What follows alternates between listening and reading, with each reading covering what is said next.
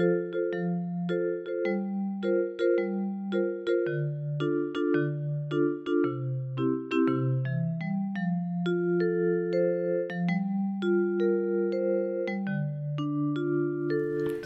och välkomna till Soul Sisters, din kompass inom andlig och personlig utveckling. Med mig Sanna. Och mig Liselott. eh, och idag ska vi beröra ett lite, mm, ja kanske känsligt ämne för vissa. Eh, vissa kanske blir triggade. Vi ska försöka hålla det så lättsamt som möjligt. Men, men eh, det handlar om ångest och psykisk ohälsa i, i allmänhet egentligen. Mm, I, i ett precis. brett ämne. Så att, eh, vi kommer ju såklart inte täcka hela. Ehm, då skulle vi få, få prata all evighet tror jag. Det kommer säkert bli så här del 1, del 2, del 3. Ja men exakt. exakt. Över tid så att vi kommer nog säkert återvända till det ämnet. Men vi kände väl att det var dags att prata lite grann om det i och med att vi har i förbipasserande nämnt ångest lite grann specifikt då i tidigare podcastavsnitt. Och det kanske man börjar fundera, jaha, vad har de för erfarenheter? Att det kanske är bra läge att börja prata om det och berätta lite grann om vad vi hänvisar till när vi har pratat om det och vilka metoder som har hjälpt oss på vägen då att kanske må bättre och så. Jag har ju liksom aldrig direkt identifierat mig med ordet ångest. Mhm. Psykisk ohälsa, ja. Eh, att man mår dåligt, ja. Ångest har inte riktigt figurerat i mitt liv. Men jag, alltså jag förstår ju att det är ångest. Eh, men jag fastnar liksom i, i någon tankeloop eller någonting sånt där. Och då är, är det mer att jag tänker psykiskt. Eh, att jag inte tänker själva känslan ångest. Eller så. Ehm, vad har du för relation till ångest? Eh, jo, men jag har en ganska lång erfarenhet till ångest. Det började väl egentligen med panikångest eh, för mig. Eh, när jag var 23, typ. Eh, så det är egentligen då det började. Innan det kan jag inte riktigt komma ihåg att jag har liksom haft något så här, ja, ång- oh, jag hade ångest eller så. Utan det är någonting som kommit senare i livet. Nej, att innan det så har inte jag liksom direkt haft den tanken att jag har ångest och så. Utan det var en panikattack som utlöste egentligen hela den här ångest... Eh, härvan som har kommit efter det då. Eh, nu skulle jag väl inte säga att jag har inga panikattacker längre. Eh, och det har jag inte haft nu på ganska många år. Men eh, jag har ju fortfarande ångest. Eh, och det är nog lite grann som du säger, att det är tankeloops som skapar en känsla av ångest. Och det gäller ju då att kunna bryta den där tankeloopen och liksom bryta mönstret för att inte hamna för djupt. För att till slut, när man har lång, långvarig ångest så kan ju det övergå till ja, depression egentligen. Ja. Mm. Men när du hade panikångestattack, eh, säger man så? Mm. Mm. Hur reagerade kroppen då? Eller panikattack. Panikattack? Mm, mm. Ja. Eh, j- det är ju väldigt olika. Eh, man kan ju reagera eh, kroppsligt. Mm. Eh, emotionellt. Alltså det finns många olika sätt att reagera. Mm. Men jag reagerar ju jättekroppsligt. Att jag får väldigt ont i magen. Eh, kallsvettas, jättehög puls, torr i munnen, yr. Eh, så att jag blir väldigt fysiskt påverkad utav en panikångestattack. Mm. Blir jag. Ja. Men det var länge sedan du hade det då. Så när du känner av ångest idag, hur känns det då? Hur reagerar kroppen då? Då går jag mycket in i- det emotionella tror jag. Att jag känner det eh, mer i mentalt skulle jag säga. Att jag blir låg eller ja. Jo men jag skulle säga att jag blir låg. Att jag, jag får den här känslan det här kommer vara för evigt. och sen bara nej men det är ju en tillfällig känsla. Och det där tror jag liksom vet att jag måste försöka bryta det mönstret då. Mm. Ganska omgående för att inte annars blir det liksom flera dagar där man kanske mår sämre. Hur, hur lång tid tar det innan du inser det? Att du behöver Nu, nu är jag ganska snabb skulle jag säga. För att man har ändå lärt sig liksom att ja, men det här är en känsla och den kan jag påverka. Så att nu, nu ska jag väl säga att någon timme och sen börjar jag förstå Ja. att ja, men nu, nu måste jag Det är agera. ju jättebra Ja. faktiskt. Så att jag behöver inte oftast gå så länge. Alltså, sen kan det vara svårt att bryta ångestmönstret. För att det kan ju vara någonting externt. Någon situation som har gjort att du får ångest. Eh, som kan vara jättesvåra att liksom bryta fast man försöker. Typ med meditation eller kolla på en tv-serie. Att den där känslan hänger med ändå. Trots att man eh, försöker liksom bryta det mönstret. Men eh, ja, oftast tycker jag ändå att jag är ganska bra på att bryta det. Men sen finns det vissa tillfällen som är svårare såklart. Och då får man ju på något vis acceptera att okej, nu är ångesten här. Och inte försöka lägga för stor vikt vid den heller. Ehm, det, vi har ju sagt tidigare att jag har ju gått ganska mycket i, i terapi och det är ju delvis för just panikångestattackerna då. Eller panikattackerna, vad man nu vill kalla det. Ehm, och, eh, men jag har även senare år gått eh, också då i, eh, hos en psykolog då för att ja, hantera just ångestproblematik och så. Eh, och där har jag ändå fått väldigt bra verktyg och ett verktyg jag tyckte funkade väldigt bra det är att försöka tänka ångesten som en badboll. Och, som, och du simmar och badbollen är där bredvid dig. Att ja, den stö, alltså, istället för att försöka trycka ner den under ytan, det kräver väldigt mycket av din energi. Ja. Och den kommer ändå bara upp ännu hårdare liksom. Den kommer ju ja, flyta upp. Att låta den bara vara på sidan där, ja den stöter till dig ibland, ja låt den vara liksom. Att man försöker bara se det som att ja, det, den är där. Att inte ja, fightas för mycket med den för att det är också en del av livet såklart att man har de här olika känslorna. Eh, och ett verktyg jag också tyckte var bra är att döpa om ångesten till någonting annat. För man har väldigt relaterade känslor till olika begrepp som ledsen och ångest och eh, frustration till exempel. Så att jag döpte om typ ångest till tant, eh, tant grön. Jag har tagit grön. Och, och då, då, då kunde jag tänka, ja nu är tant grön här på besök igen. Och, och då, då har inte jag en, en förknippad känsla med det. Eh, utan det blir någonting lite mer neutralt. Just det. Så det har jag ändå tyckt har funkat ganska bra att tänka så. Men eh, det som hjälpt mig allra mest med panikångesten specifikt då, det är att veta vad är det för något som triggar mig. Alltså vad är mina triggers? Precis. Eh, för att när man förstår varför man får panikångest, då är det enklare att sen hantera det. Sen är det viktigt att man inte går till det här att man eh, undviker.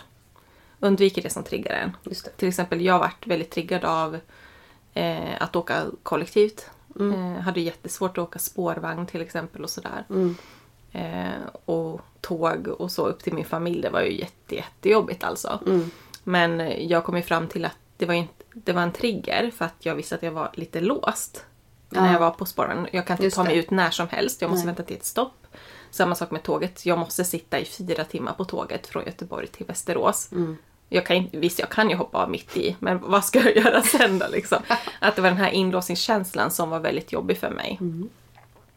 Eh, Men det gäller att liksom öva på det där, att man inte börjar undvika det för att... eh, Ja, då blir det ju värre. Ja, precis. Då man förstärker övar man då. in det beteendet. Precis. Och man, man, då bekräftar man för kroppen, ja det är farligt. Mm. Just det. Att man bekräftar då den här rädslan man har. Men jag kan tycka medicin är ju fantastiskt. Jag fick aldrig medicin för det. Men eh, jag hade önskat att jag hade fått det för att hade jag fått några gånger med, med medicin till exempel när jag åkte tåg och fått en bra upplevelse. Då hade jag kunnat lärt mig att ja, men det går bra. Än att jag vet att nu sitter jag i full panik på tåget. Ehm, så att det är lite synd faktiskt. Men jag tror att man är lite mer frikostig med det kanske idag. Ja, jag tror det handlar väldigt mycket om vilken läkare man går till. Många, vad man hör i alla fall, så strösslas det ju ganska mycket med att det är väldigt lätt att få antidepressiva eh, läkemedel utskrivet. Mm. Och det är så vanligt. Men, och det, det är så synd tycker jag också för att egentligen hade vi inte behövt må så här. Vi hade inte behövt eh, behandla det med läkemedel om vi bara hade haft andra verktyg. Mm. Alltså att, eh, att ta läkemedel är ju som att eh, inte lägga locket på, men du förstår att, att man gör det kemiskt ju. Man löser det kemiskt. Och skulle jag sluta eh, med medicinen, då kommer det ju tillbaka och då har man inte löst Precis. någonting. Nej. Sen tycker jag också att medicin är jättebra. Jag tar medicin. Eh, eh, en av de vanligaste eh, läkemedlen. Och, och jag är jätteglad för den. Jag hade nog inte klarat mig utan den faktiskt. Och jag var väldigt eh, tveksam till det först när jag skulle eh, börja med det. så jag gick hem från läkaren och funderade lite grann på det. Jag sa nej direkt. Och sen så ja, tyckte de att jag skulle fundera på det då. Mm. Och sen så en eller två veckor senare så kom jag tillbaka och, och då sa jag alltså att... För då kände jag väl liksom att jag, jag kommer inte komma ur det här själv. Mm. Ehm, och, sen, och, och jag är jätteglad för det. Mm. Ehm, verkligen. Och jag märker ju, jag har slutat i perioder. Mm. Eh, och tyckte att eh, jag klarar mig utan det. Och det gör jag ju. I perioder. Mm. Men när det händer någonting tyngre Mm. eh, och man blir låg och man fastnar. Då... Eller när livet utmanar en liksom. Mm. Då eh, ja, får jag jättemycket hjälp av det. Men som sagt, hade vi lärt oss att känna våra känslor och bearbeta våra känslor och sådana saker istället, då hade vi inte behövt medicin. Vi hade inte ens liksom hamnat där. Mm. Om det hade varit mer tillåtet att må dåligt. För idag är det bara jakten på lycka. Mm.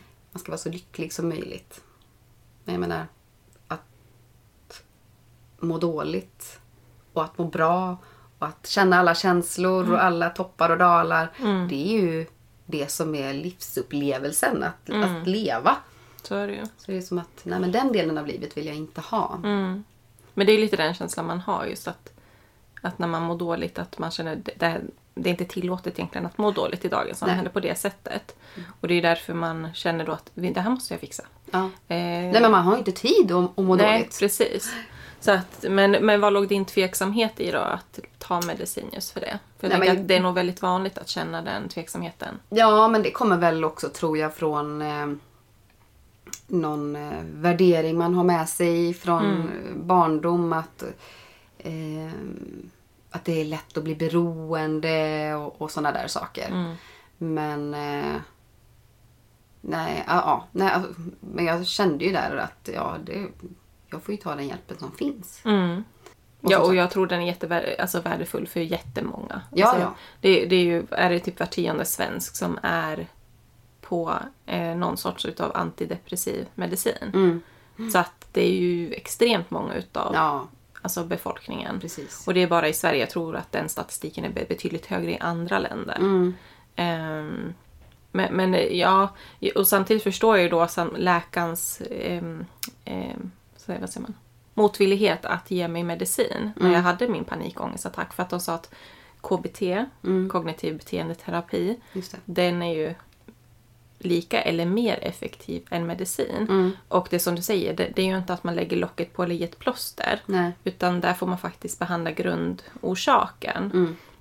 Eh, och det blir en långsiktig effekt då. Mm. Och det var ju det det var. Alltså jag gick i KBT i sex månader tror jag. Och då var det varannan vecka eller något sånt där. Jag gick hos eh, en terapeut då. Mm. Och eh, alltså jag var jättetveksam till det faktiskt. Jag bara, alltså på vilket sätt ska det här lösa mitt problem?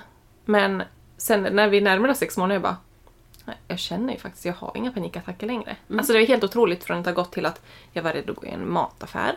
Jag vågade ju som sagt inte ta kollektivtrafiken iväg. Så jag blev ju superisolerad. Jag, alltså det påverkade mig extremt mycket.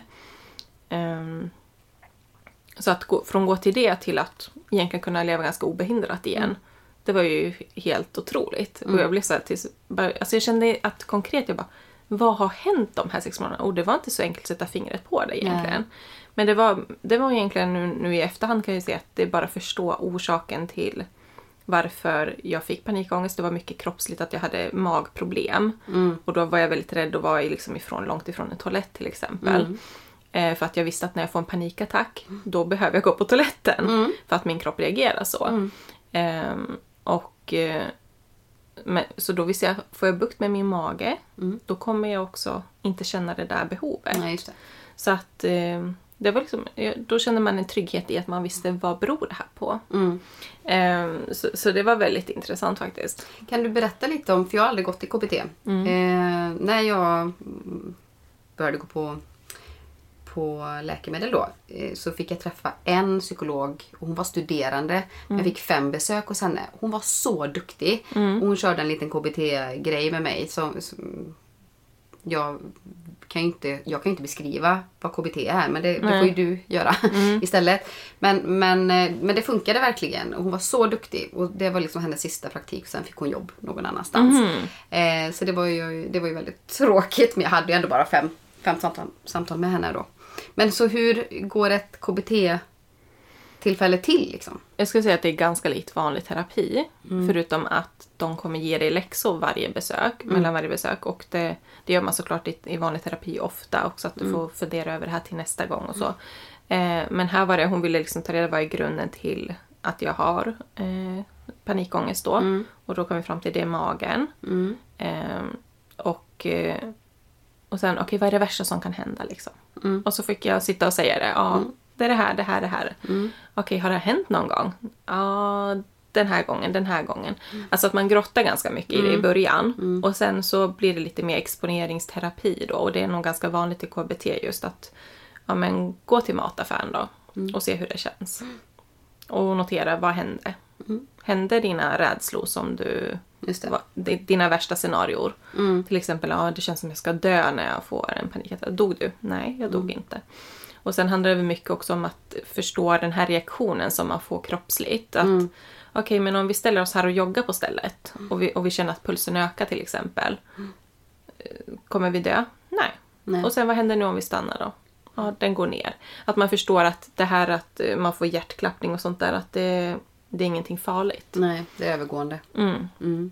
Så att det är på något vis att man ska försöka ta, ta makten ifrån reaktionen lite Mm. grann. Ehm, jag tror att man gör på ganska olika sätt beroende på vilken typ av rädsla eller problematik Mm. man behandlar. Men jag tror just ångestproblematik, där är det liksom ta spårvagnen en bit då Mm. och hoppa av. En hållplats. Ja, alltså det kan vara så lite att man ökar på där då. Nu var det inte så illa för mig att jag absolut inte vågade hoppa på utan jag gjorde det och kunde ändå åka till jobbet. Men faktiskt, på tal om jobbet, det, det känner jag är jätteviktigt ändå att säga att när jag hade panikattack eh, eller panik, eh, panikattacker, det var sista halvåret på universitetet jag fick min första. Mhm. Och sen var det här en period fram tills jag fick mitt jobb. Mm. Och därefter slutade för att jag hade inte tid längre att fundera över de Nej, här sakerna som gjorde att jag fick den här ångesten kring åka spårvagn.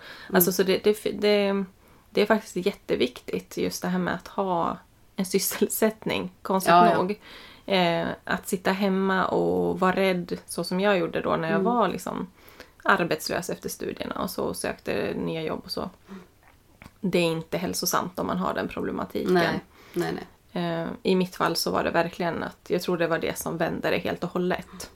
Och så träffar du mig. Ja, jo men du vet ju hur det var när vi började. Vi åkte iväg i jobbet. Ja, eh, just det. på- Då var vi tvungna att åka tåg. Ja, och det var jag inte jättebekväm med för att jag hade ju den här problematiken med mig då sen tidigare. Ehm, Och det pratade vi inte så mycket om. nej, Eh, du nämnde nog bara någon gång när vi att du inte tyckte om att åka tåg eller något sånt där. Mm. ja precis. Nej, jag tror inte jag berättade hela sanningen. vad- Nej, vad- men vad vi kände var- ju Nej, Varandra precis. så mycket ehm, då.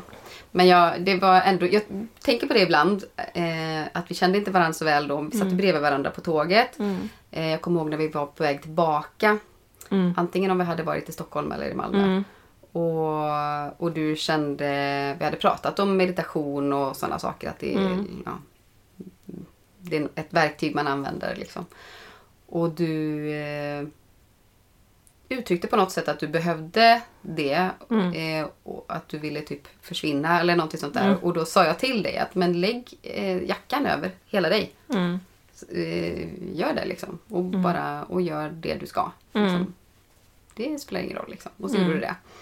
Så det var, jag tycker att det var ett fint, eh, en fin stund i så pass tidigt skede i vår relation att, att du ändå kände dig trygg att göra det. För jag menar att, och att och att jag lät dig känna dig trygg i att det spelar ingen roll, jag gillar dig ändå. Liksom. Ja, precis. Nej, men det är jätteviktigt. Mm. Och, och, och det där är ju det viktiga, att man hittar sina verktyg. Att man kan ha sin... Alltså jag tycker fortfarande att det kan vara lite obehagligt att åka tåg. Mm. Bara för jag tycker inte om ovissheten. Tänk om det blir ersättningsbuss Buss, ja. någonstans här Mm. mitt på sträckan. Och det är ju sådana saker som man eh, står inför. Men då, då försöker jag tänka så här att det som händer, det händer. Jag kan inte styra det ändå. Nej. någon kan hjälpa mig om inte jag vet var bussen går ifrån. För det är sådana tankar jag får. Så bara, hur ska jag veta vilken buss det är? Och, Oj, hur ska jag, men, men det är ju bara att följa strömmen. Och Ja. Är det någonting så frågar man ju någon alltså medpassagerare. Och, alltså folk är ju snälla. Ja. Och det är det man får tänka också tänker jag. Ja. För mig var det ju så illa att jag åkte ju faktiskt en gång upp, eh, tåg upp till min familj. Och vågade inte åka hem igen till Göteborg. Oj, Ja. Och då hade jag ju tur då att min före detta, han, han kom och hämtade mig med bil alltså. ja, vad bra.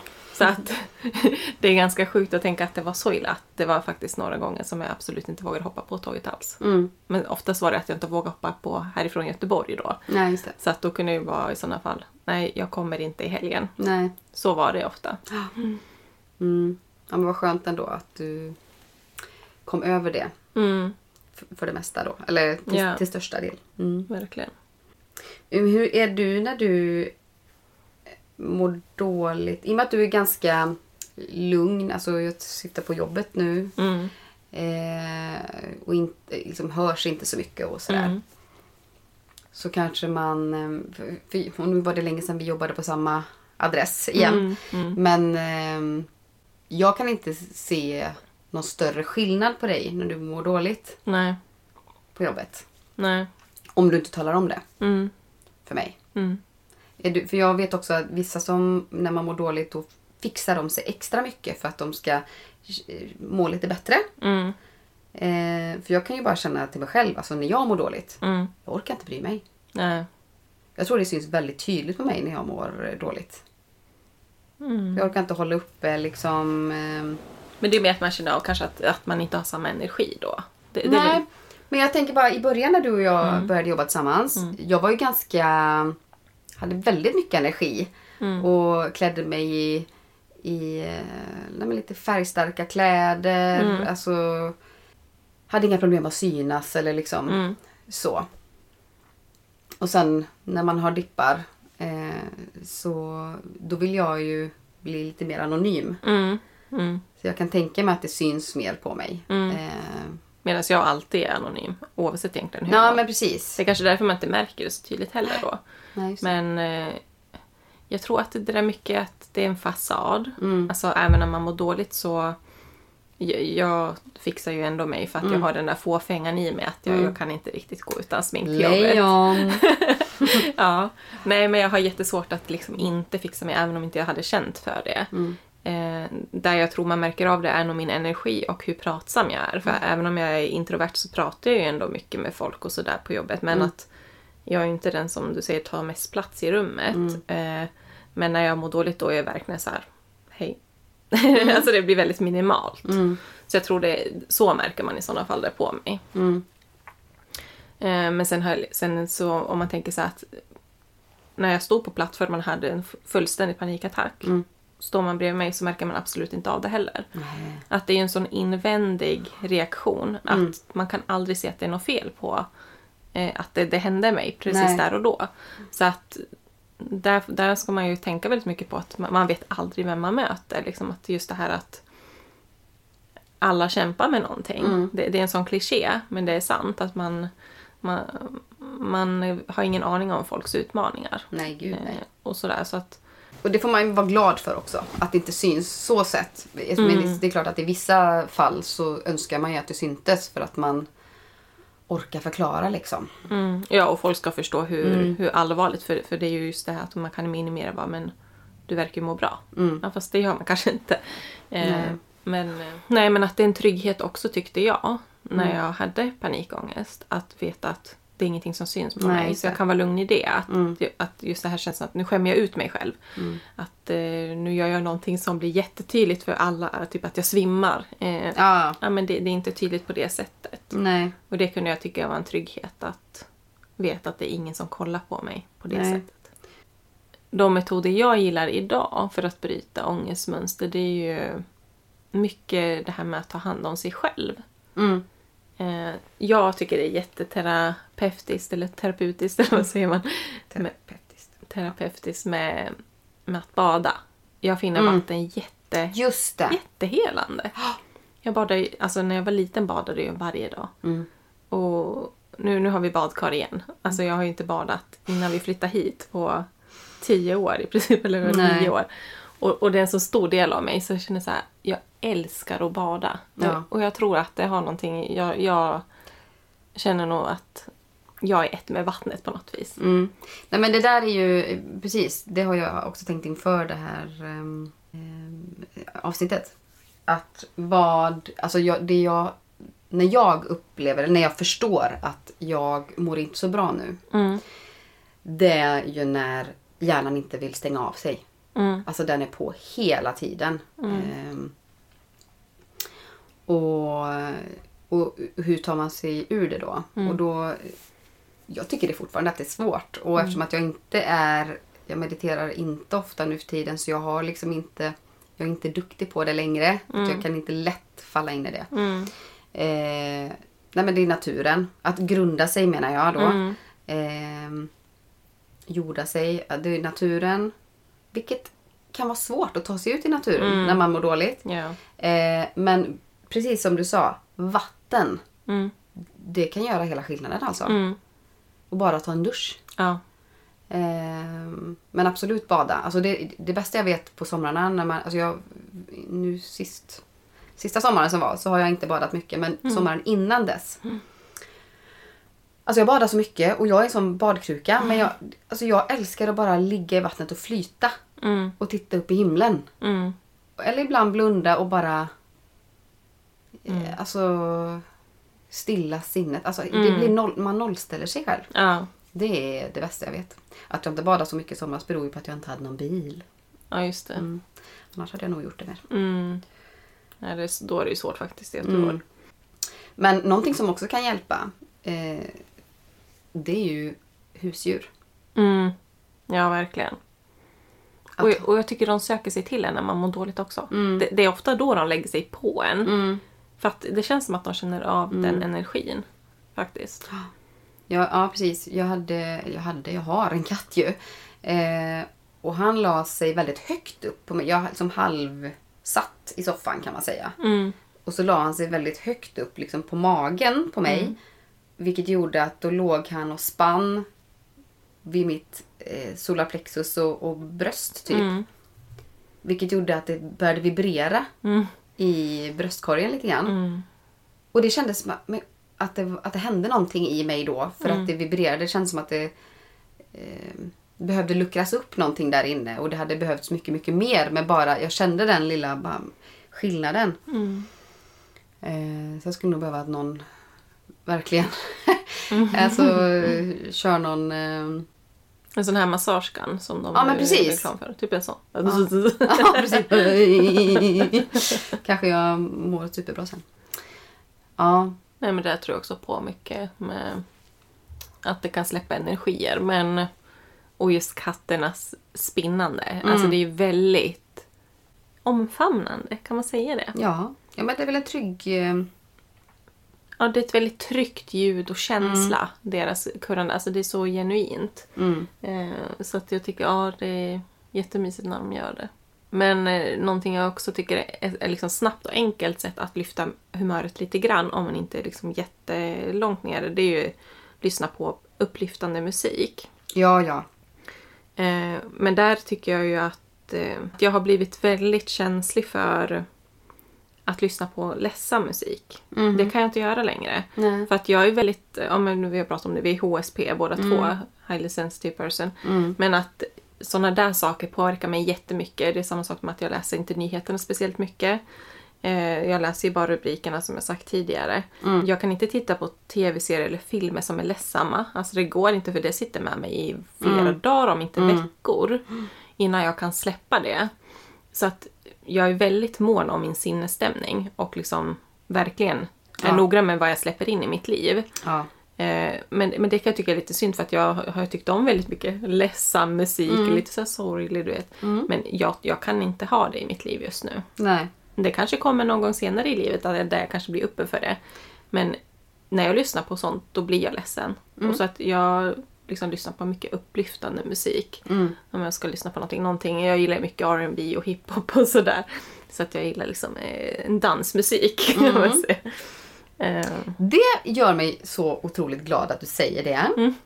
Jag älskar ju hiphop och R&B också. Ja. Men mer från det som var när man var yngre. Jag Mm. lyssnar inte in så mycket nytt. Nej. Men, men det, det här var väldigt roligt att du sa. För att det är ingenting som jag har snappat upp under de här åren. Nej. Inte ens när vi, när vi eh, delade rum ju. Nej. Det var very good. Very good. Men det, det jag har märkt också är att jag har svårt att lyssna på gammal musik ibland. Mm. För att jag har minnen förknippade till det Ja. och det blir sentimentalt och då får jag ångest också. Så att det är lite synd för att eh, Ja, alltså det är julmusik ibland. Alltså jag kan må jättedåligt av julmusik. Mm. Bara för att då tänker jag när jag var liten och bara, jag är inte liten längre. Nej, nej men, alltså ja, d- men den man, där känslan är jobbig. Jag fattar. Och vi kommer ju prata om jul en annan gång kanske. Ja, precis. Men eh, ja, det finns ju otroligt mycket man kan säga inför julen. Ja. Nej, någonting som jag tycker är väldigt bra om man har väldigt stark ångest och liksom har svårt att bryta det. Det är att sätta på en feelgood serie eller film. Mm. Alltså, och bara få koppla bort det helt och hållet en stund. Ja, precis. För det finns ju olika sätt att eh, hantera eh, jobbiga känslor. Mm. Eh, och då var de här fight, flight eh, och freeze. Mm. Eh, och fight, då blir man ju utåtagerande och ilsken liksom. Precis. Eh, flight, att fly. Och det, och det är det jag menar att gör man det medvetet som du säger du. Att man, Mm. ja, jag måste, ja men som jag, jag måste stilla min hjärna. Jag, Mm. jag kan inte eh, vara så här liksom i varv hela tiden. Mm. Och, och att göra det medvetet. ehm, för att må lite bättre. Mm. Men när man gör det omedvetet, att man flyr in i telefonen till exempel. Mm. Att spendera hela eh, all ledig tid Mm. med att stimulera för att det är så jobbigt att känna. Mm. Eh, det, det blir bara en spiral neråt. Liksom. Ja, precis. Det kommer slå ännu hårdare när Mm. man väl kommer ur eh, flykten. Liksom. Mm. När man tvingas känna någonting. Precis. kommer man inte kunna hantera det. Nej. Och freeze, ja men det är väl när man bara blir apatisk. Mm. Och, Handlingsförlamad. ja, och när någon frågar eh, saker att man... Nej, jag vet inte. Jag, bry- Mm. jag bryr mig inte. Det spelar ingen roll. Alltså Mm. vad ska vi äta? Bestäm du. Alltså att man inte, att man inte bryr sig om någonting. Mm. Eh, Men som sagt, gör man saker och ting medvetet så får det ju en annan... Det finns ett syfte liksom. Mm. Som leder till, eh, ja, till en tillfällig eh, lättnad. Mm. Mm. Och det kan jag tycka just med typ tv-serier och film och sådär att det kan vara jättebra för att bara bryta och få en paus från känslan. Mm. Eh, för att ibland kan det bara behövas en stund där man får släppa det. Och sen när man får återkomma till det, då har det liksom lite utav den där udden försvunnit. Mm. Det som var mest akut. Eh, så jag tycker att det, det kan vara hjälpsamt i vissa situationer. Sen är det viktigt som sagt, som du sa, att man inte missbrukar och liksom bara inte alls sen kommer tillbaks till känslan. För det Mm. måste man ändå göra. För annars Ja. som du säger, man trycker undan det. Och det, liksom, det blir inte en bra spiral. Du kommer till slut få möta ändå den här klumpen Mm. som du har tryckt undan. Mm. Ja, men man, man kan ju dämpa det på så många olika sätt. Alltså Mm. telefonen och eh, Netflix eller vad det nu är. Det är Mat. ju en sak. Ja men jag menar det. Jag skulle Mm. precis komma till det. Att Mm. vissa jobbar ju typ ihjäl sig Ja. för att slippa leva det andra livet Mm. utanför jobbet. mm, Eh, eller man bedövar med godis eller mat som du Mm. säger. Eller shopping Mm. eller spelande till exempel. Mm. Spelberoende och sånt där. Och i värsta fall så tar man ju till alkohol och droger och sånt. ja. Om det går till sin spets. Eller, Mm. eller, till- det, har det är väl lika illa vilket som egentligen. Det Mm. att vissa saker bryter ner kroppen snabbare än annat. ja. Ja. Ja. Och relationer och allt det där. Mm. Tröstätare är nog ett ganska utbrett fenomen skulle jag tro. Det är min känsla. Om man tänker egentligen på det här med övervikt ökar. Om en psykisk ohälsa ökar. Ja. Att det kan ha definitivt ett samband där, tänker jag. Mm. Eh, jag vet att jag själv, jag blir väldigt sötsugen när jag mår dåligt. Liksom. Mm. Att jag, jag äter gärna lite för mycket mat och lite för mycket godis. Mm. och sådär. Att, eh, jag, tror att jag känner någon trygghet i mat. Mm. Eh, Ja, för mig är det socker. Absolut. mm, Och, och jag, ja, min hjärna är ju på högvarv just nu. Jag, det glömde jag säga att den senaste tiden, jag har aldrig riktigt identifierat mig med ångest men jag har ju förstått på senare tid och det är nog för att du och jag pratar så pass mycket om det också och du benämner ångest som ett begrepp som du, alltså det är någonting som du kan ta på på något sätt. Ehm, och jag har haft mycket närmre till den känslan senaste månaden. Alltså november var ju riktigt tuff. Och det, Men det var det nog för många. Energierna var ju eh, ganska tunga all over. Men så hände det saker också i livet som gjorde att eh, det var extra, extra tungt. Mm. Men, eh, och då har jag ju märkt att jag flyr. Jag flyr in i sociala medier och, och eh, i tvn. Och, och, men framförallt telefonen. I natt så somnade jag ju... Sista gången jag kollade på klockan var ju klockan 20 över tre. Mm. Eh, så det har inte blivit många timmar sömn i natt. Nej. Eh, Sen, och det handlar nog mest om timing. För, jag, för mig handlar det om... Alltså när jag, jag kan sova bra. Det kan vara lite svårt att somna. Men när jag väl so, somnat så sover jag. Mm. Ehm, men där inser jag ju att jag måste bli bättre på att minska min skärmtid. För att det, är- jag måste stilla min hjärna. Inte addera saker till intrycken och så. Så det får man jobba med inför nästa år här. Mm, men jag tror att det, det behöver jag också jobba med. Att det, det är inte sunt hur mycket man sitter och tittar. Alltså först och främst sitter man på jobbet. Mm, åtta timmar framför en data. Och sen kommer man hem, tittar på TV eller på mobiltelefonen. Alltså hur många skärmfria timmar har man egentligen? Mm. Nej. Det är inte många. Och, och det där... Det är inte bra heller om man är kreativ speciellt. Att, Nej. alltså kreativiteten kommer ju ofta när man stillar sinnet lite grann. Att man tar bort Precis. och gör någonting annat. Så att Mm. jag tror ja, det är någonting man verkligen bör jobba med. Ja. Man får gå in i duschen varje dag efter att man kommer hem från jobbet. Så att man grundar sig. Mm. Mm. Varför inte? Nej men jag tänker på det här då med, med ångest att det är svårt att se på människor. Att de mår dåligt. Vi vet aldrig vad som finns där. Och då finns det ju eh, alltså högfungerande ångest. Då tänkte jag att du är en hög, du, har, du, du högfungerar med din ångest. Mm. Att att det, det folk ser är att man ändå är produktiv och välorganiserad. Och, ehm, man verkar lugn och förberedd på allt. Liksom. Mm.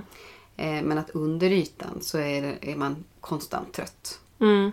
Och eh, Man har lite rädsla av att göra andra besvikna kanske. Att man vill göra vad som förväntas. Och, och, eh, men att man har ångest och ständig oro hela tiden. Mm. Och sömnsvårigheter. Mm. Men det är det ingen som vet. Nej. Det gör man i sin ensamhet. Och så håller man uppe en... Ja, men allting är bra. Mm. Och, det, och det är så synd att det ska behöva vara så att man ska behöva vara rädd för Precis. att egentligen säga som det är. Speciellt typ till en arbetsgivare om man till exempel ja, men är utmattad. Att det kommer alltid... Du kommer inte ofta lyfta det innan du har kommit till den gränsen där nu, nu, är- nu räcker det. Nu sjukskriver jag mig. Mm. Det, det kommer ju aldrig upp i en dialog om inte man är jättenära sin chef. Men det är ju ganska ovanligt skulle jag säga i dagens Och samhälle. det är väldigt få chefer som är så pass lyhörda också. Mm. Och kan lyssna av signaler. Alltså även om inte en medarbetare säger någonting så kan man ändå bara nu det är något, någon skillnad i den här personens beteende. Att man kollar upp hur mår du? Mm. Sover du ordentligt? Eller alltså eh, när man är, märker att någonting är lite off. Ja, men precis.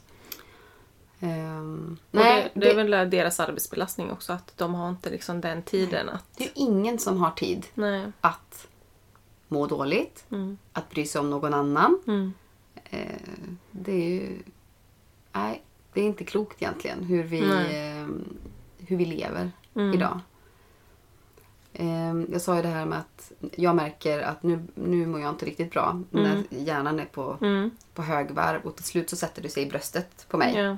Att det blir som ett eh, tryck över bröstet. Och jag vet att när det var som värst, då kände jag, när jag andades så kändes det som att det var eh, som när man andas in kall luft. Mhm. Eh, att det blev kallt i bröstet liksom, när jag andades. Att ja, andningen påverkades lite säkert ju. Det var väldigt obehagligt. Mm. Och vid ett annat tillfälle när jag mådde riktigt dåligt, det var långt innan vi kände varandra.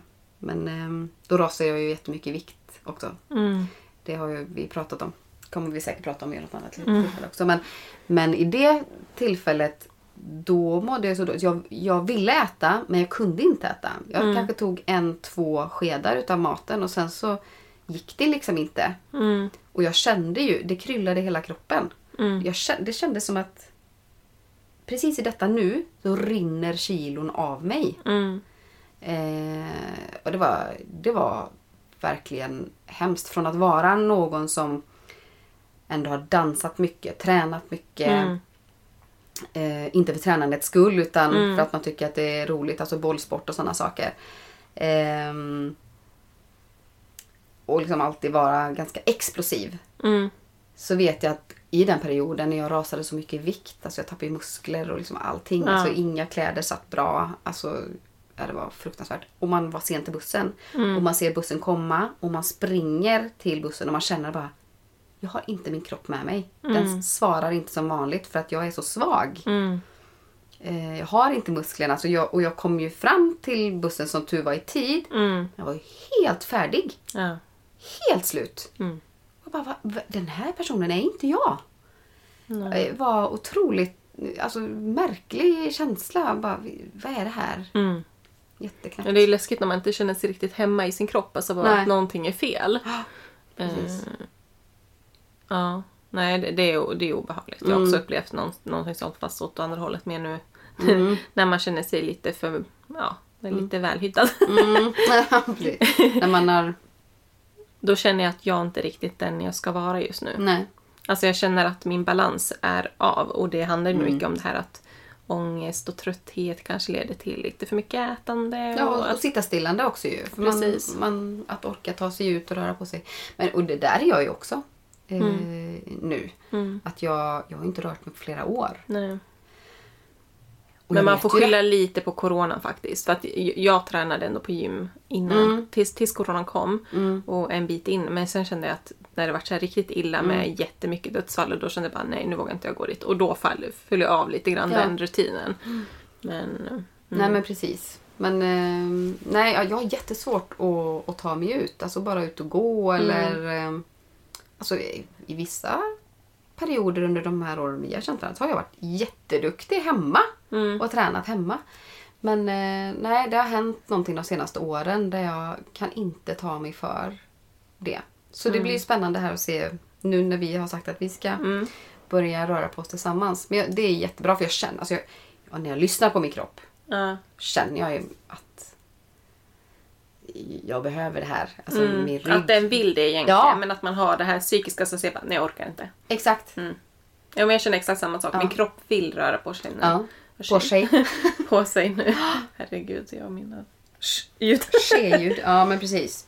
Nej, så det är så himla viktigt att lyssna på kroppen egentligen. Mm. Och Det är så lätt att sitta här och säga det.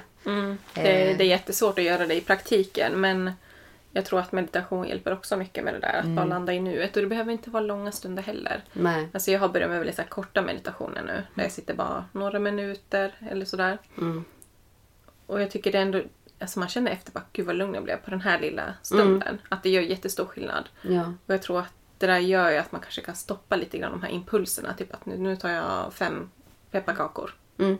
Alltså att du tänker kanske en gång extra innan du gör det. Ja. Men vill jag det här verkligen? Eller är det bara att jag vill ha snabb energi? För ofta är det ju det att man vill ha socker för att bara pi- pigna till liksom. Men det, det, det du sa där med att när, när man har hjärnan på högvarv att det blir svårt att sova. Alltså det där är ett jätteviktigt varningstecken man faktiskt ska agera på. Mm. Är det så att man får långvariga alltså, sömnproblem, då, då ska man söka hjälp direkt. För det där är en jättenegativ spiral att hamna i. Mm. För det där leder ju till utbrändhet till slut. Så att eh, jag har ju också haft, jag har exakt likadant att när jag väl blir lite åt det hållet, då, då går min hjärna också på högvarv. Och Mm. Jag har jättelätt att somna för jag är så jäkla trött på kvällen. Men jag vaknar ju typ vid två, tre Mm. och så ligger jag vaken i flera timmar. Tills jag kan somna om typ en timme innan klockan ska ringa kanske. Och då är du dötrött när klockan ringer. Ja. Ja. Och sen så håller det på så här i veckor eller månader. Alltså det är jättenegativ spiral. Mm. Så att, men nu har jag ändå fått sömntabletter. Mm. Eh, och, och det tycker jag har varit jättebra för att bara bryta den spiralen. För när du väl börjar sova, då börjar kroppen reparera sig. Mm, Och det där exakt. blir en god cirkel istället. Den reparerar det här och lugnar ner sinnet. Mm. Så att, ja, så att det är jätteviktigt att bryta den direkt när det börjar. Mm. Så att du- jag ska säga, alltså då ska man verkligen söka hjälp. Mm. Ja, men precis. Om man hamnar i de där dåliga spiralerna. Ja. Exakt. Men jag tycker det, det hemska är att även när du söker hjälp idag för psykisk ohälsa så är det enormt långa köer för att komma fram till en psykolog eller, eller terapeut. Mm. Alltså jag vet folk som har väntat ett år på att få komma till en psykolog och då är man sjukskriven. Det är inte klokt. Ja, Det, så ska det absolut inte vara. Men där vill jag ändå slå ett slag för att jag, jag har senare tid nu gått på Mindler. Mm. Och, och det här är ingen samarbete utan det är bara någonting jag genuint tycker är jättebra. Det var ju liksom att du kan boka en tid och du kan få en tid samma dag eller till nästkommande dag eller så. Att du får tid väldigt snabbt och då börjar, påbörjas din behandling. Mm. Vad är Mindler då? Mindler är ju en eh, psykolog via en app då kan man väl säga, eller en ja, onlineplattform. Mm. Eh, och där kan du då söka efter en terapeut eller psykolog med just den inriktningen du har. Eller behöver hjälp med då. Det kan vara familjerådgivning, det kan vara panikångest, det kan vara depression. Alltså de är specialinriktade på olika saker så man kan kolla liksom och så ser man vill du ha manlig eller kvinnlig? Du kan ju själv välja det. Ja, det. Och det där tycker jag också är jätteskönt för att jag ville gärna ha en kvinnlig till exempel den här Mm. gången. Eh, och jag hittade en som jag tyckte var jätteödmjuk och fin. Så att eh, jag tyckte det var superbra och där får man ändå löpande uppföljningar du kan ha varje vecka, varannan vecka eller en gång i månaden. Mm. Och då är det behov. lätt att få tag på hjälp också. Även om man kan tycka att det är bättre att sitta i samma rum Mm. med- någon. Men, men jag menar, om det är så lång väntetid Mm, då är det ju bättre än ingenting. precis. Och att man kan få det så fort Mm. i, i digitalt då. Ja, och, Mm. och det jag tyckte var negativt då, det var ju att man... eh, Det är ganska korta sessioner. Det är 25 minuters tider du har. Eh, Så att det är väldigt snabba. Mm. Eh, Men där de kompletterar är ju att det finns online KBT. Mhm. IKBT kallar de det, internetbaserad kognitiv beteendeterapi. Okej. Och då finns det massa olika program om det typ är ångest, depression, eh, ja, alla de här problemen som vi sa. Mm. Så finns det olika program du arbetar mellan varje tillfälle. Okej. Och då får du övningar där eh, som berättar om det här är lite grunden vad du upplever och så här kan vi tänka. Gör den här eh, reflektionsövningen till exempel. Och sen diskuterar man det under nästa möte. Så att det är ju där, den kompletterar ju de här korta sessionerna då. Ja. Så att eh, jag har jättebra erfarenhet och man har typ tio gånger för en behandling. Tror jag det är. Eh, och sen har man typ tre uppföljningsmöten. Mm. Så att, och den går ju under frikort också, eller högkostnadsskyddet. Jaha. Så att det är ingenting... Jättebra. Ja, så när man kommer upp till den summan så är det ju precis som vanliga vården då. Mm. Jag hör ju ett kommande samarbete här. Kry, välkommen och kontakta oss. Kry! Mindler. Kry är också välkomna. Ja, precis. Mindler, precis så herregud. Mm. Mm. Men vad... Som sagt, det är så långa köer. Men vad tycker... Har du funderat på varför är det så här? Varför, vad kan vi göra för att minska den psykiska ohälsan? Har du liksom funderat någonting kring det? Ja, jag har ju en tydlig bild av det. Men jag vet inte hur det praktiskt ska gå till. Nej. Alltså, jag, ett, jag tror inte vi är gjorda för att jobba åtta timmars dagar. Nej. Det, det är det första. Jag tycker vi ska ha den här sex timmars arbetsdag. Mm. Det är typ så länge vi är effektiva. Sen resten är dödtid, tyvärr. Mm. Och sen att, alltså mer tid med familj och vänner. Alltså det, det tror jag är viktigt. Och skärmtid bort Mm. med de här sociala medierna. Det är inte positivt. Nej. Det finns, jag har blivit väldigt medveten om vilka konton jag får ångest av. Mm. Typ tjejer som kanske poserar och ser jättesmala ut. Ah, jag mår inte bra av att se dig. Hej då med dig. Mm. Eh, jag har faktiskt blivit så krass att eh, jag har tagit bort sådana konton. Eh, sen, är, sen är det väl lite det här med materiella hetsen tror jag. Ja. Som gör att man känner hela tiden att det finns någonting mer att uppnå hela tiden. Mm. Att vad är nästa steg? Vad är nästa grej? Eh, jag tror mycket det. För Min, nu är det väl då också för att jag har barn, men jag har ju reflekterat över att det här med att ta hand om sig själv och psykisk hälsa. Att varför är inte det en del av skolgången? Ja. av läroplanen. Alltså, fatta, om man nu ska prata pengar här. Mm. Snacka vad mycket pengar vi kan spara. Mm. I, genom att få folk att må bättre, genom att börja jobba med barnen. Mm. Nej men jag vet ju att det var någon eller några skolor som började med meditation i skolan. Mm. Och så var det vissa föräldrar som tyckte att det var ju jätteflummigt och det kan vi inte göra. Att man, man försöker pracka på ungarna någonting liksom då som man som förälder inte tycker är okej. Att, att det är någon form av sekt eller religion eller alltså så. Och det är ju så synd tycker jag. För det är bara ett verktyg. Det behöver inte vara så flummigt. Det finns ju säkert lärare som är flummiga som skulle kunna göra det hur flummigt som helst och rökelser och verkligen eh, alltså tar det, gör till överdrift. Men det behöver inte vara så eh, spirituellt. Eh, utan man måste se det till att det handlar om barnens psykiska hälsa och att de får verktyg till att eh, våga känna sina känslor och kunna prata om sina känslor och eh, allt det där. Jag, där tror jag att det är ett sånt viktigt förebyggande arbete man kan göra. Sen, Alltså parallellt med det du säger, att vi, vi som redan är vuxna, vi måste ju också få verktyg. Men vi har ju en annan medvetenhet Ja. Kring, kring det. Sen såklart finns det omedvetna vuxna också Mm. som eh, flyr, som vi pratade om. Så det, det är superviktigt tycker jag. Alltså kan vi få in meditation och sådana saker i skolan? Mm. Ja men 100 procent. Och jag kan tänka att, typ att man skulle ha yoga på idrottslektionerna. Det är också ett sätt att liksom vara närvarande i sig själv. Och man måste ju börja med barnen när de är små. För Ja. att jag kan ju säga tonåringar idag, ska man få dem till att sätta sig så tillsammans i alltså, meditativ alltså, ställning eller liggande eller då kommer det ju bara fnissas och det kommer det göra i mindre å- åldrar också men det, de kommer de kommer inte förstå värdet av det Mm. lika snabbt som för att det är pinsamt. Bara, Nej gud jag måste ju vara snygg här eller jag måste ju impa på den tjejen. Eller, eh, sådär, att, att innan de blir för självmedvetna så att de inte tappar kontakten med sitt inre. Ja men det tror jag också. Det hade varit guld värt. Ja. Jag vet att vi hade yoga i skolan vid några tillfällen. För en av lärarna var yogalärare också. Mm.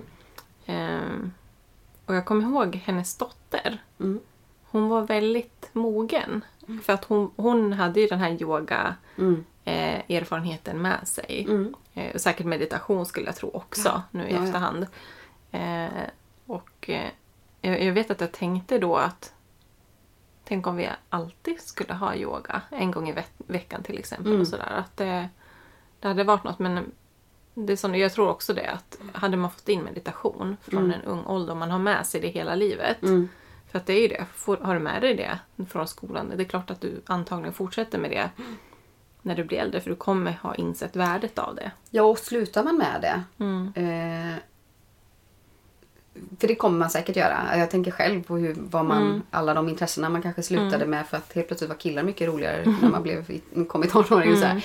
Men, men eh, tycker man gud det är jobbigt. Men har man gjort det, Mm. liksom, säg hela låg och mellanstadiet. Mm. Då har man så pass mycket erfarenhet av det så att när man släpper det och lever vidare och man mår dåligt sen. Mm. Då vet man precis vad man ska göra. Mm. Kanske tar lite tid men man vet vad verktygen är. Mm. Man behöver inte gå och försöka lista ut någonting själv och, och gå till en läkare och så vidare. Man kan börja där först för att det är någonting som man har haft med sig sedan barndomen. Det tror jag Men det finns många ämnen som jag tycker skulle behöva finnas i skolan. Liksom relationskunskap. Mm. Det här med att man vet hur, hur ska en bra relation vara. Mm. Alla har inte med sig det hemifrån. Nej, nej. Gud nej. Eh, och jag tror att många kanske inte riktigt vet vad är okej i en relation och inte. Att, Mm. hur, hur ska man behandla varandra? Mm. Egenvärde också. Precis. Så att, Att, man kan sätta gränser mm, när folk trampar. Precis. Att man vet att det här är inte bra. Det här ska jag nog gå ifrån. Mm. Att jag tror, hade vi haft den här typen av utbildningar så hade ju säkert också folk mått bättre på grund av det, tänker jag också. Mm. Men eh, någonting som inte har någonting med eh, psykisk ohälsa att göra, men ekonomi också. Mm. Att man inte har kunskap i, så här gör du en, en budget. Mm. Vi har hemkunskap där vi ska lära oss laga mat och sånt. Men där kan jag tycka att vi borde ha den delen också. Hushållsekonomi bör Precis. vara en del utav hemkunskapen. Ja. Mm. Vet inte om det, hur det ser ut i hemkunskapen idag. Nej, jag vet inte heller. Men eh, då fanns det inte i alla fall när jag gick i Nej. skolan. Och- Nej, jag menar på, på gymnasiet så hade man ju företagsekonomi. Mm. Det är ju något annat. Mm. Alltså visst, Precis. man kan ju applicera det på sitt eget, att omvända det. Men, men eh, i den åldern hade inte jag något intresse utav ekonomi. Mm. Eh, så det var inte som att jag... "Ah, vad var det vi lärde oss nu i företagsekonomi? Kan jag omvandla det till att använda själv? eh, men eh, nej. Nej, men jag tänker just när man flyttar hemifrån, hur vet man hur man betalar sin första hyra? Mm. Jag kommer ihåg, jag bara, vart går jag in och gör det här? Mm. För att det är ingen som har lärt en det, förutom ens föräldrar då. Det var ju de man fick ringa. Ja, ja. Hur, hur ska jag göra nu första hyran? Ja. Ska jag göra det här varje månad? Nej, du kan sätta det på autohyra. Okej, ja, vad bra. Hur gör jag det? Alltså du vet, det är såna här löjliga grejer som man egentligen skulle behöva veta. Ja. Alla skulle behöva veta Ja, det här. Absolut. Med tanke på att vi har Lyxvillan. Äh, lyxvillan? lyxvillan! det är ett nytt program. Det är ingen som får ta copyright. Lyxfyllan, sa du det? Nej, men med tanke på att Lyxfällan Mm. är det liksom ett sånt program där det ändå visar på tyvärr så skuldsätter sig jättemånga människor för att Mm. de inte kan hantera sin ekonomi. Nej, exakt. Och det där tror jag också de som gör det till den gränsen som de gör i just det programmet. Mm. Där det är så här, du försöker fylla något, något tomrum inom dig med materiella saker. Mm. Och det där är inte bra heller såklart.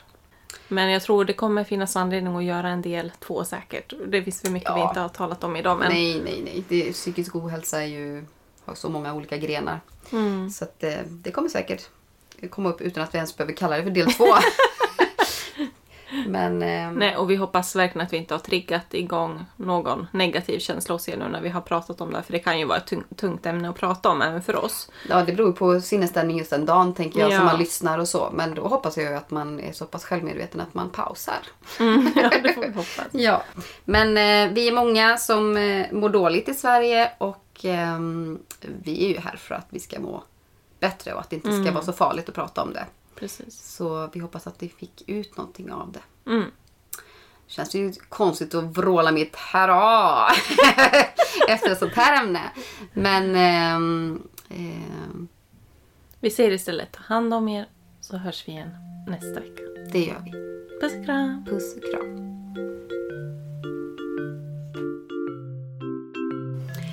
Tusen, tusen tack för att du har lyssnat på detta avsnitt av Soul Sisters. Vi hoppas du tyckte det var lika mysigt att hänga med oss som vi tyckte det var att hänga med dig. Och vill du hänga ännu mer med oss kan du gå in och följa oss på Instagram där vi heter Soul Sister-podden. Gå gärna in och sätt betyg och skriv en recension. Det hjälper oss att nå ut till fler Soul Sisters och kanske några Soul Brothers där ute. Vi hörs snart igen! Puss och kram!